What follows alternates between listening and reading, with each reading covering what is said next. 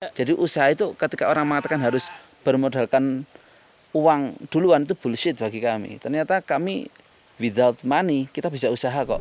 Itulah namanya alpukat itu buah kaya gizi, bikin badan sehat dan kantong berisi. Penguasa negeri dan raja yang hakiki. Itulah petani. Kita jadi tuan. Mohon maaf, apa pun profesi Anda tanpa petani Anda akan mati kelaparan.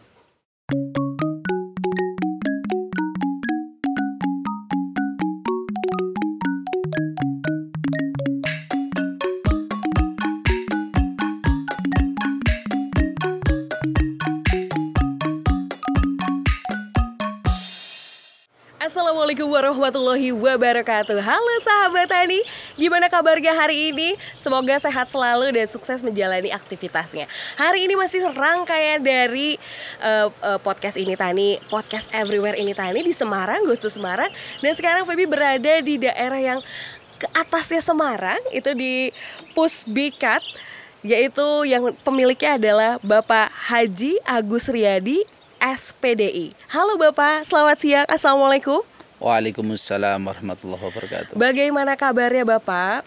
Alhamdulillah, kuluna fi amanillah. Alhamdulillah baik. Ini Feby tertarik banget ya sama Pusbikat ini kan, pusat bibit dan buah alpukat. Pusat bibit buah alpukat ya bisnis juga ya? Iya. Oke. Nah, pusat uh, bibit bisnis buah alpukat itu ceritanya gimana, Pak? Awalnya merintis dan akhirnya bisa se sehebat ini gitu. Maksudnya semua orang pada tahu kalau pusat alpukat tuh di tempatnya Pak Agus gitu. Ya, saya sebenarnya anak baru kemarin sore ya. Jadi uh, sejak mungkin tahun sekitar 95-an saya bantu orang tua itu untuk jualan sayur dan buah lokal. Baik. Kemudian bisa masuk ke supermarket. Saat kuliah di Unisula mulai tahun 2004, lulus 2009 itu saya lebih banyak uh, di dagang durian. Durian Nah, justru. jadi kalau di Unisula Semarang Agus Durian gitu terkenal dari pintu gerbang depan sampai belakang. Karena langsung pada pengennya pesen durian gitu ya Iya. kalau lihat Pak Agus Riyadi. Nah, dengan berjalannya waktu, saya melihat prospek alpukat ini semakin menjanjikan, maka 2011 saya belajar untuk konsentrasi di alpukat ini. Oh baik. Mengapa pilihannya adalah buah alpukat? Dibanding dengan buah yang lain, mohon maaf sebelumnya durian, itu ketika yang saya tawari itu adalah anak muda, nafsunya, eh, semangatnya makan durian masih tinggi, Oke. dompetnya yang nggak kuat. Gantian ketika mereka sudah uh, punya posisi, Iya. punya penghasilan cukup, dompetnya mencukupi tetapi tenaganya tidak mencukupi kolesterol, darah tinggi dan lain sebagainya. Nah, Oke, baik. dari itu saya pindah ke alpukat. Kenapa? Ternyata alpukat ini bisa dikonsumsi dari anak-anak yang belum punya gigi sampai kakek nenek yang sudah kehabisan gigi. Oh iya juga ya. Biasanya makan mapasi pertama tuh buah alpukat Iya. gitu ya. Buah pisang. Oh luar biasa ya kepikiran sampai sana. Iya. Oke oke. Berarti eh, pangsa pasarnya cukup luas pada saat itu. Lalu memilih bibit yang baik gitu yang bagus pada saat pertama kali bagaimana? Karena kan pengalaman lebih dahulunya adalah lebih concern ke buah duren kan. Ya. Berawal dari pasar. Kalau eh, untuk bertani kita awal dari kebun, endingnya petani akan dipermainkan oleh pasar. Oke. Maka kita sebagai petani melihat membidik pasar mana yang siap untuk menampung produk kita. Nah, saat itu ketika kita kirim ke supermarket adalah alpukat itu syaratnya besar, tua, halus. Udah masuk. Nah, ini sebagai syarat umumnya sehingga belum kenal varietas ABCD belum ada. Jadi yang penting wah Yang gede, besar, halus, halus, tua. permukaannya dan tua. Iya, karena eh, yang menjadikan trauma pembeli alpukat itu membeli alpukat nggak bisa matang. Akhirnya Iya. dia kadang jadi eh, gondok gitu loh. Iya iya benar-benar. Karena kalau misalnya kita beli terlalu matang, begitu kita konsumsi dia terlalu lembek. Ketika yang keras, pas mau dikonsumsi dia Nggak- belum matang nggak gitu. mau matang, Nggak iya. mau matang seutuhnya. Ada nggak cara nggak ya sih pak untuk biar begitu kita beli tahu itu bagus, eh, lalu pas kita makan matangnya sempurna gitu. Eh, matang atau tidak itu ada beberapa faktor. Yang pertama adalah tingkat ketuaan buah, kematangan buah, tua. Kemudian varietas, jadi ada alpukat itu jenisnya kulit tebal, ada kulit tipis. Oh iya. Jenis kulit tebal itu masaknya agak lama, atau bahkan dikatakan lama. Dan kalau tidak benar-benar tua dia tidak bisa matang, akan busuk pangkalnya. Ada alpukat kulit tipis, kayak eh, si cantik Miki itu kulit tipis itu lebih gampang matang. Jadi dibiarkan aja matang tapi kendalanya dia nggak bisa untuk pengiriman jarak jauh. Jauh. Nah itu agak kurang tua dikit, lebih mudah matang daripada yang kulit tebal. Kemudian iklim. Kalau di Ambarawa di Bandungan sini panen alpukat taruh aja di lantai akan matang. Tapi saya pernah membawa alpukat ke Genuk Indah di Semarang di pesisir. Itu alpukat yang benar-benar tua. Tak taruh di sana tidak bisa matang. Jadi matangnya hanya separuh-separuh. Ternyata iklim eh, tempat mematangkan buah itu akan Mempengaruhi. mempengaruhi. Termasuk pisang juga seperti itu. Oke. Jadi kalau pisang itu kalau sekarang ya Iya. itu biarkan matang di Bandungan sudah agak kuning baru bawa ke Semarang. Kalau hijau meskipun masak pohon bawa ke Semarang Ambon itu di Semarang nggak mau kuning. Jadi hanya eh, jadi apa hijau muda matanya empuk tapi tidak bisa kuningnya nggak bisa bagus. Nggak bisa sempurna warna Iya. kuningnya. Berarti iklim dan suasana cuaca juga mempengaruhi kematangan si Iya. alpukat itu sendiri ya. Iya. Oh, Feby juga baru paham. Jadi treatmentnya juga beda ya. Nah maka kalau mau beli alpukat di pasar satu cari yang sudah mengkal sudah hampir matang. Tidak harus matang tapi sudah mau matang. Oke. Atau kalau di Semarang itu biasanya di supermarket mau masak sempurna karena dia di ruangan AC hampir sama dengan di suasana pegunungan. Tapi kalau di kulkas tidak bakal bisa matang, Kalau di kulkas yang lebih dingin malah justru nggak bisa nggak matang. bisa matang. Oke. Wow, menarik ya. Tapi kalau bila bicara lagi nih, eh, Pusbikat ini sudah berdiri berarti dari tahun berapa nih, Mas Agus Riyadi? 2011. 2011 berarti sudah hampir se- 10 tahun. sepuluhan tahun ya. Bagaimana lika-liku kehidupan perbuahan alpukat ini? Segala sesuatu itu nikmat ketika diawali dari bawah. Oke. Jadi kita alhamdulillah dari orang tua itu diwarisi oleh ilmu dan budi pekerti. Masya Allah. Kami eh, sempat diberikan kesempatan untuk belajar di Pondok Modern Gontor masuk tahun eh, 98 selesai 2002 dan itu sebagai modal hidup kami. Di situ kami belajar menggali potensi eh, dari apa yang ustadz-ustadz kami berikan kepada kami. Nah, kami mencoba untuk berwirausaha likalikunya itu. Jadi ya itu tadi kuliah sambil jualan, pakai sepeda motor belakangnya isi keranjang, kita nikmati aja. Bahasa kasar kami ketika orang mencibir, biarin aja. Mencibir itu hak Anda, itu mulut-mulut Anda, tapi Anda tidak membiayai kami. Oh, betul. Itu menjadikan kami eh, lebih besar lah. Kemudian dengan proses berjalannya waktu tadi itu kita mencari dan mencari. Nah, di alpukat ini juga awalnya juga orang mencibir juga. Kami mengawali dengan top working milik tetangga-tetangga, satu pohon, dua pohon gratis. Kami punya tenaga, tetangga punya modal pohon, punya lahan. Jadi usaha itu ketika orang mengatakan harus bermodalkan uang duluan itu bullshit bagi kami. Ternyata kami without money kita bisa usaha kok. Modalnya apa? Modal silaturahim. Karena man ahabba ayub sato lahu fi rizkihi wa yuntha'al lahu fi atharihi fal yasil rahimahu ingin panjang umurnya luas rezekinya sambung silaturahim dan saya buktikan hadis itu saya tanpa bermodalkan finansial ataupun uang modal silaturahim usaha bisa berkembang pesat Masya Allah. Nah itu dari satu dua rumah kemudian eh, orang desa mengatakan gepok tular. Jadi Gepok orang tular nah, itu apa? the meaning of gepok tular is Itu adalah jadi gini ada eh, petani ini ya Iya. kita garap hasilnya bagus dia akan cerita kepada orang lain. Oke, oke. Nah, dia cerita lagi. Jadi kayak marketing dari mulut ke mulut gitu ya Ah. cerita karena mereka puas, nyaman, Iya. suka gitu akhirnya dia cerita ke banyak orang Iya. gitu. Oh, ada nggak sih hal terlucu yang pernah terjadi di hidupnya Mas apa namanya Mas Agus Riyadi gitu Pak Agus Riyadi mengenai eh, orang yang datang ke sini atau yang belajar di Pusbikat ini? Ya saking banyaknya orang tentu dengan berbagai macam cerita ya. Jadi ada yang orang dari lokal, ada yang langsung datang. Eh, dulu ya ini saya diwawancarai masuk YouTube, masuk di TV dari Bangka Belitung langsung datang sini. Rumah saya belum di pinggir jalan, masih di dalam. Dulu di mana? Wah dalam sana. Jadi agak lumayan susah nyarinya. Oke. Itu orang bela-belain dari Bangka Belitung langsung datang nyariin. Alhamdulillah ketemu. Ada juga orang eh, dari kemarin yang baru ya dari Pacitan naik sepeda motor ke sini.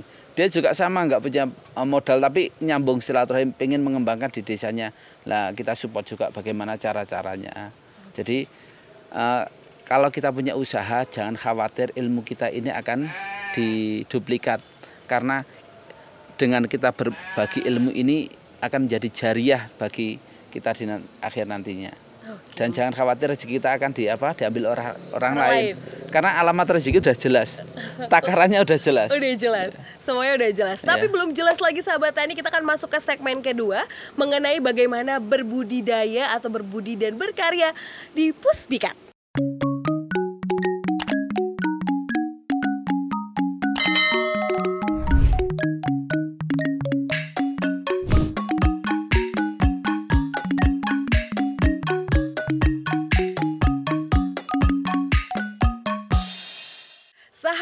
Pasti penasaran gimana sih caranya untuk menanam buah alpukat? Tapi sebelum itu Feby akan tanyain dulu sama Bapak Agus Riyadi ya kan? Pak Haji gimana nih karakter alpukat tuh seperti apa sih sebenarnya? Karakter tanaman alpukat? pada umumnya alpukat itu tanaman yang membutuhkan air tapi gak mau kebanyakan air. Oke. nah sehingga ketika di daerah Bandungan sini yang ditanam di persawahan rata-rata is dead mati karena kebanyakan air ya Ya, jadi Oh, oke. mungkin dia hanya panen satu kali dua kali habis itu mati. Mungkin pada awal-awal pertumbuhannya bagus banget, Nah, tapi setelah panen sekali dua kali dia mati. Maka paling bagus, bukannya paling bagus ya yang selama ini kita lihat di lapangan itu yang di dekat rumah, di pekarangan rumah itu bagus atau di kebun. oh justru gitu ya Iya. Oke, berarti karakternya tidak suka suka air tapi nggak boleh terlalu banyak air. Terus caranya untuk biar maksudnya biar biar dia tumbuh bagus dan airnya tidak mengendap itu caranya seperti apa, Pak? Maka tempat dulu. Jadi kalau persawahan meskipun atasnya itu tuntas nggak ada air, bawah tetap menggenang air. Baik. Meskipun terasering kayak sini pegunungan Iya, ya. iya, iya ini tetap mati biasanya. Itu yang apa?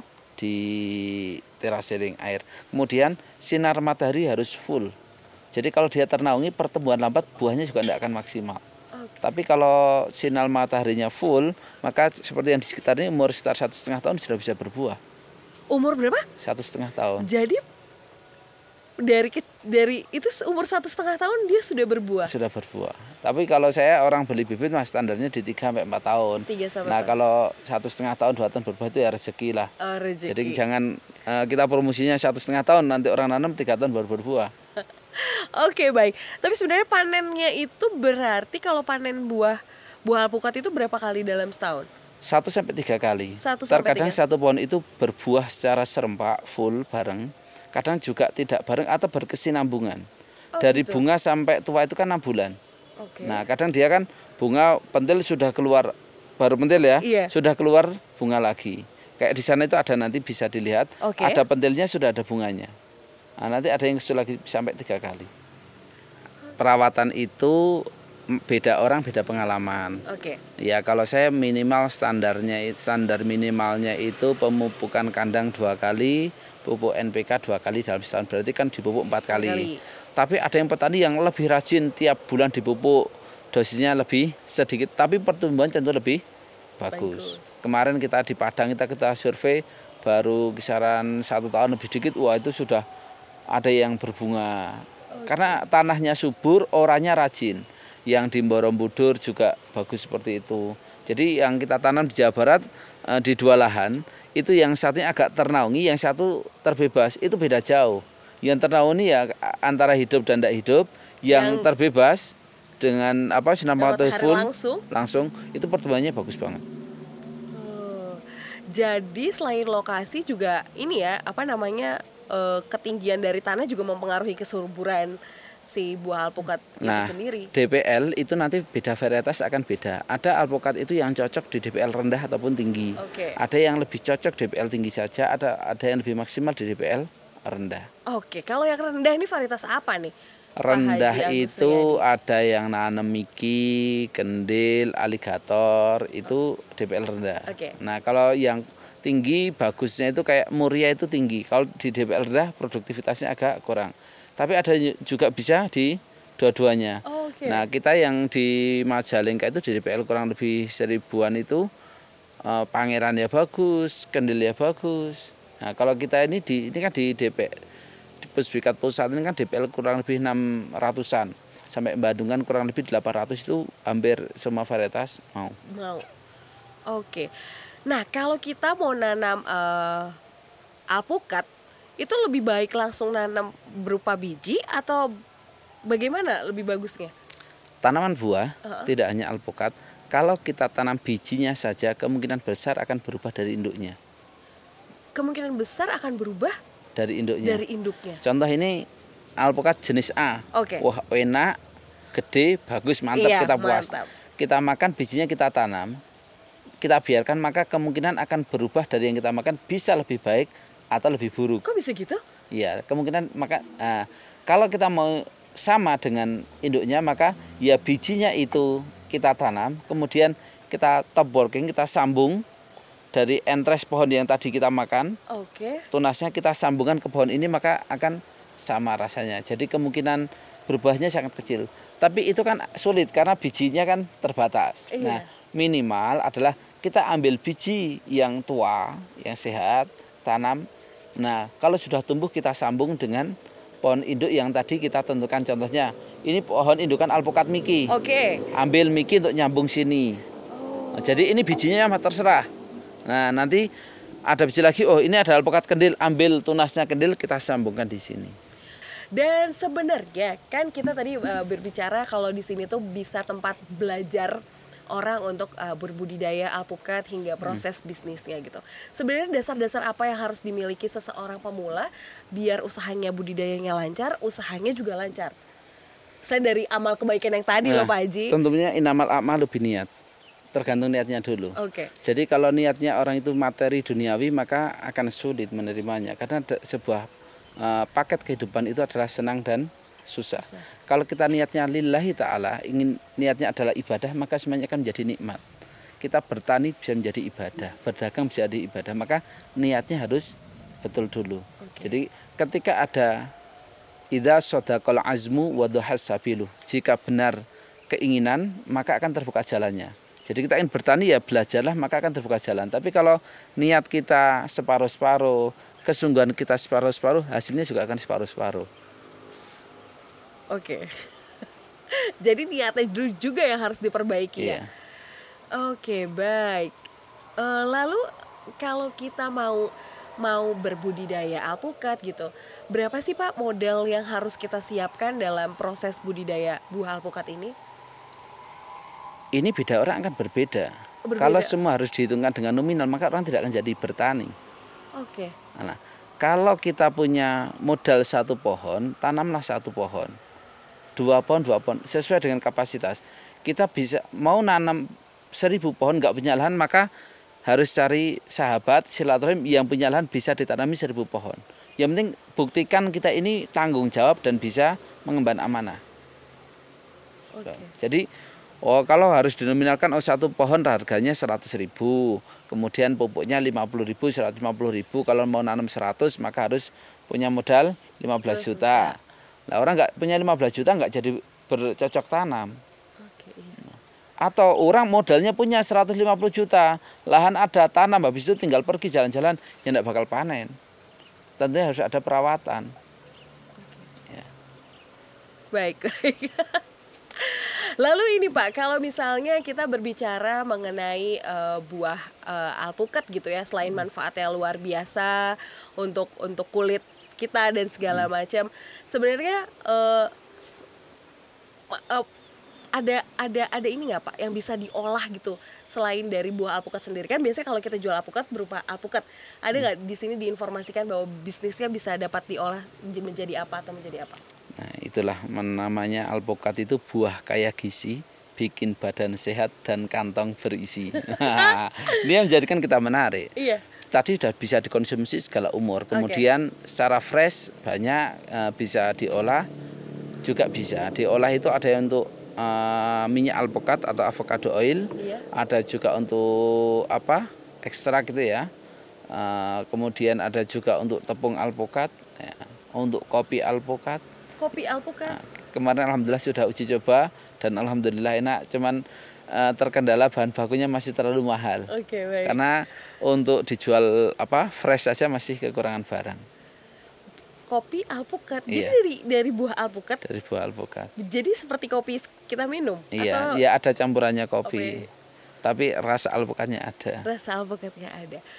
Nah, mungkin sahabat tani juga penasaran gitu, pasarnya Pak Haji Agus Riyadi itu ke mana aja nih Pak untuk memasarkan eh, buah alpukat? Dulu berawal hanya jualan keliling Eh, jualan keliling. Maka Anda jangan pernah meremehkan seseorang melihat dari casingnya ataupun apa yang dia lakukan hari ini karena dia hari ini kita nggak tahu 10 tahun 20 tahun yang akan datang. Seperti apa? Ya, hari ini kita menghina dia suatu saat mungkin kita sangat butuh bantuan dia. Nah, saya berawal dari jualan keliling, kemudian eh, masuk supermarket, kemudian kirim ke Jakarta. Alhamdulillah dengan adanya media itu masuk majalah Trubus, di SCTV, kemudian di YouTube-YouTube itu banyak orang tahu eh, pasar semakin terbuka, baik baik di Pulau Jawa, kemudian Bali, Sumatera, Kalimantan. Wah, Nah, Sabang bahkan- sampai Merauke nih Nah, Pak Haji. termasuk sampai ke luar negeri. Nah, sempat kita nih eh, promosi ke luar negeri. Nah, ini salah satu kiat usaha, maka maksimalkan promosi. Kita jangan minder. Jadi meskipun kita kecil, yakinkan diri kita ini adalah orang besar. Masya Allah. Nah, saat saya eh, masih awal-awal itu ya apa? Iya, di alpukat merintis gitu, merintis. itu alpukat. untuk dikirim ke luar negeri meskipun barangnya mahal ini ya nggak usah bayar gitu. Jadi gengsinya yang gede. Udah ambil aja buat promosi lah. Ternyata eh, apa? Peminatnya luar biasa. Pertama di Singapura sampai orangnya bayar itu datang ke Datang ke sini. datang ke sini melihat Masya cek Allah. lokasi. Nah, suruh dikirim. Ternyata kami ini belum tahu diri. Jadi ternyata Gimana, untuk Pak? bisa ekspor itu harus ada tiga komponen, tiga Ada K. apa aja tuh? Eh, kualitas, kuantitas, kontinuitas. Kita baru punya satu, yang dua belum ada. Nah, karena nggak bisa sebagus apa pun produk kita kalau hanya berbicara kualitas, kuantitasnya nggak masuk, kontinuitasnya apa nggak bisa. Keberlanjutan buahnya gitu ya. Nah, kita diketawain orang. Oke. Nah, akhirnya kita apa agak mundur kendor. Maka kita ibarat kata perang, kita perkuat dulu apa? Mundur selangkah. mundur selangkah, Tapi jadi- nanti buat Nah, berlari ke depan gitu ya. oleh karena itu sekarang saya lebih banyak bukan di penjualannya. Di Penjualannya mana, penjualannya saya sebatas lokal dulu. Saya banyak tawaran kemarin ke Dubai minta sekian puluh ton. Saya mohon maaf belum sanggup daripada saya. Dubai, Pak? Iya. Wah, Jadi apa? Kemudian ada juga Erdogan tuh mana? Erdogan. Er- Presiden Erdogan itu Turki. Oh, Turki. Ah, Oh, ya permintaan, Allah. permintaan ke Turki kami juga belum bisa apa mensuplai. Masya Nah, Allah. karena untuk dalam negeri masih belepotan. Nah, oleh karena itu kami perkuat jajaran ke petani. Akhirnya banyak kita kerjasama dengan petani dari berbagai daerah. Ini alhamdulillah tadi kan kunjungan dari Banjarnegara. Baik. Jadi kita kerjasama dengan desa-desa, dengan kelompok tani. Eh, yang Sumatera aja kita targetkan tahun ini kita tanam 300 hektar insya Allah. 300 Ya. Dan Masya itu tidak Allah. harus beli lahan, Mbak. Modal silaturahim. Wah, sahabat tani modal silaturahim kita akan berlanjut lagi ke segmen selanjutnya mengenai keresahan milenial.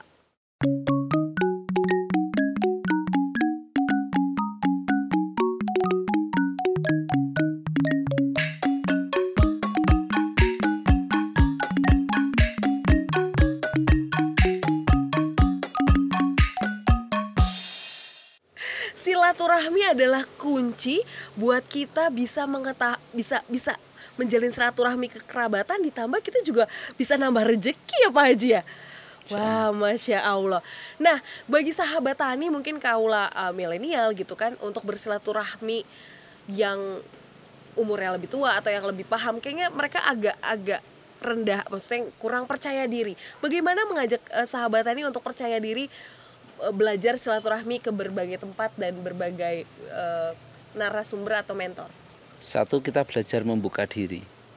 Jadi kita ibarat cangkir ini kita harus tahu diri kita ini cangkir yang kosong, maka siap untuk diisi. Baik. Siapa pun bisa menjadi guru kita. Dan kita harus siap berguru kepada siapa pun. Ilmu yang baik kita ambil, yang kita baik kita tumpahkan. Nah, kita bisa menyaring. saya ketika di sekolah Baik. itu sahabat saya ada anak-anak kecil karena ngajar SD Oh, Bapak ngajar ya dulu sebelumnya? juga apa juga kalau ada anak TK nangis itu saya bagian men- apa Menenangkan. menenangkan itu sahabat saya ketika di sekolah ketika sore hari saya dengan eh, petani dengan dagang itu orang banyak kan di atas usia saya bahkan di usia bapak saya nah tentunya orang yang umurnya di atas kita pengalaman mereka lebih banyak dan kita harus belajar dari mereka. Jadi membuka diri ya pertama kalau kita nggak bisa ngomong ya penting silaturahim dulu kita dengarkan dulu. Nanti dengan siapa kita bergaul di situ pola pikir kita akan terbentuk. Dulu ketika saya masa-masa muda masa-masa nakal ngumpul dengan geng motor yang kita bahas adalah tentang balapan sepeda motor Iya, betul. ketika kita kumpul dengan ulama yang kita bahas adalah tentang ilmu agama Betul. ketika kumpul dengan petani maka kita akan berbicara masalah pertanian sahabat kita itu yang akan membentuk karakter kita Jadi harus uh, pintar-pintar memilih lingkungan juga Iya. ya buat sahabat tani. Lalu selama berjalannya pusat bibit buah alpukat di daerah uh, Semarang ini, ada nggak sih yang pengen uh, impian atau pencapaian lagi next selanjutnya seperti apa untuk puspikatnya? Kalau orang lain itu mohon maaf mengukur kesuksesan seseorang biasanya hanya dari materi dan eh, bagi kami mohon maaf itu adalah tolak ukur yang sangat rendah. Mereka hanya menghitung omsetnya sekian, eh, kemudian keuntungannya sekian, asetnya sekian, bisa beli ini beli ini, pergi jalan ke sana kemari itu saya kira sangat terlalu rendah. Eh, apa pola pikir terlalu terbelakang bagi kami orang seperti itu bagi saya adalah apa pun profesi mereka, apa pun yang dilakukan ketika dia bisa memberikan manfaat bagi sama itu yang kami baru berikan apresiasi. Mungkin eh, kita lihat pekerjaannya hanya biasa, penghasilannya biasa, tapi manfaat bagi sesama yang luar biasa itu saya baru aku dia adalah orang sukses. Kenapa? Kita jadi orang pintar tapi minteri orang lain tentu akan ada orang yang terdolimi dari kepandaian kita. Terlukai. Ya, kemudian kita jadi orang kaya tapi kita menyombongkan dengan harta kita, tentu ada orang yang kurang nyaman dengan posisi kita ataupun dengan jabatan kita. Jadi, jadi sadarlah kita ini dari mana segala sesuatu kita dapatkan dan untuk apa kita pergunakan. Bahwasanya hidup ini hanyalah sebuah proses kehidupan seperti halnya roda roda kehidupan. Hari ini kita di atas, sangat mudah Allah membaliknya kita di bawah. Dan ketika hari ini Anda di bawah, jangan berkecil hati. Sangat mudah Allah akan membentuk Anda, membalik Anda pada posisi di atas nantinya. Iya. Jadi menebar kebaikan bermanfaat buat orang lain karena kita Iya. nggak pernah tahu posisi kita nanti Iya. eh, berada di mana. Kalau untuk harapan, harapan apa yang ingin Bapak Haji Agus Riyadi harapan untuk Pusbikat, untuk pemerintah atau untuk generasi milenial? Jadi di eh, salah satu visi misi Puspika itu adalah menyediakan bibit dan buah alpukat eh, unggulan nasional yang siap bersaing dengan pangsa pasar dunia. Oke. Kita kan mohon maaf ada bibit buah bagus brandingnya luar negeri kalau California kah Bangkok kah nah kenapa kita tidak bangga dengan produk Indonesia padahal produk kita kan luar biasa bagusnya. Nah kita kenalkan kita yakinkan. Bagaimana mungkin orang lain akan yakin produk kita bagus kalau kita tidak yakin? Betul. maka kita awali kita punya produk adalah the best. Indonesia adalah yang terbaik. Maka kita kembangkan kita perbaiki kita kenalkan. Nah, maka harapan kami adalah eh, mindset dari anak-anak muda yang mana mereka berpikir untuk mencari pekerjaan, ubahlah untuk menciptakan pekerjaan. Jangan takut, jangan galau untuk menjadi petani karena petani itu adalah al-fallahu sayyidul biladi wa malikuhul hakiki. Petani itu adalah penguasa apa? eh, tuan negeri apa? Kok sampai lupa saya. Sayyid, Sayyid itu penguasa negeri dan raja yang hakiki. Itulah petani. Kita jadi tuan. Mohon maaf, apa pun profesi Anda tanpa petani Anda akan mati kelaparan. Anda punya uang tapi nggak ada yang dibeli mau makan apa? Nggak mungkin uang itu akan Anda makan, nggak mungkin semen itu akan Anda makan. Nah, maka kuncinya adalah di petani kita jangan galau ketika kita jadi petani dan alhamdulillah binikmatilah kita buktikan Allah itu makanya lewat jalur pertanian hasil kita juga bisa cukup untuk uh, mencukupi kehidupan. Masya Allah, Baik, tetapi kalau peran pemerintah sendiri untuk uh, pembibitan uh, buah alpukat itu seperti apa sih, Pak Haji Agus Riyadi? Kalau saya alhamdulillah uh, silaturahim dengan Dinas Pertanian Kabupaten ataupun Provinsi Jawa Tengah, nah Kabupaten Semarang ya khususnya dibina dengan namanya pameran-pameran. Kita ikuti, kita digandeng. Nah, dengan kemudian kita mulai keluar dari kampung, kita kenal dengan dunia luar, kita semakin uh, mohon maaf secara mentalitas agak terasah ya. Oke. Nah, dari situ kita menjadi apa lebih baik. Nah, harusnya harapan kami kami uh, sebagai petani ya dengan dinas itu jangan hanya berpikir proposal. Ini mohon maaf, ketika ada kelompok tani hanya berfokus pada berfokus pada pro- pro- proposal. proposal, mohon maaf dia mempersiapkan diri mereka untuk menjadi pengemis. Karena hari ini mikir proposal minta bantuan A, besok bikin proposal minta bantuan B. Tapi jadikan proposal itu sebagai stimulus. Mungkin Anda sangat blank nggak punya modal. Diberi suntikan mungkin bibit kah, pupuk kah, atau uang kah itu ya, atau peralatan kah. Itu jadikan modal untuk Anda lebih maju lagi. Dan hari ini Anda eh, dibantu oleh pemerintah, anggap itu sebagai hutang budi. Meskipun kita sebagai rakyat punya hak. Punya hak ya. Buktikan suatu saat pemerintah bisa bangga dengan Anda. Nah, jadi jangan selamanya tangan kita ini di bawah. Hilangkan mindset kita jadi pengemis, hilangkan mindset untuk mencari bantuan, tapi tanamkan di dalam hati dan otak kita untuk membantu. Aliyatul ulia khairun min yadis sufla. Tangan di atas lebih mulia, lebih baik daripada tangan di bawah. Jangan jadi pengemis proposal. Astagfirullahaladzim. iya ya betul sekali karena eh, apa ya kesannya seperti itu ya jadinya. Oke oke baik terima kasih Pak Haji Agus Riyadi SPDI sudah bersedia untuk eh, hadir di podcast ini tadi membahas mengenai alpukat. Terima kasih banyak kami diterima dengan baik di sini dan terima kasih banyak juga buat sahabat Tani yang sudah menonton. Jangan lupa untuk like, comment, and subscribe. Febi pamit. Wassalamualaikum warahmatullahi wabarakatuh.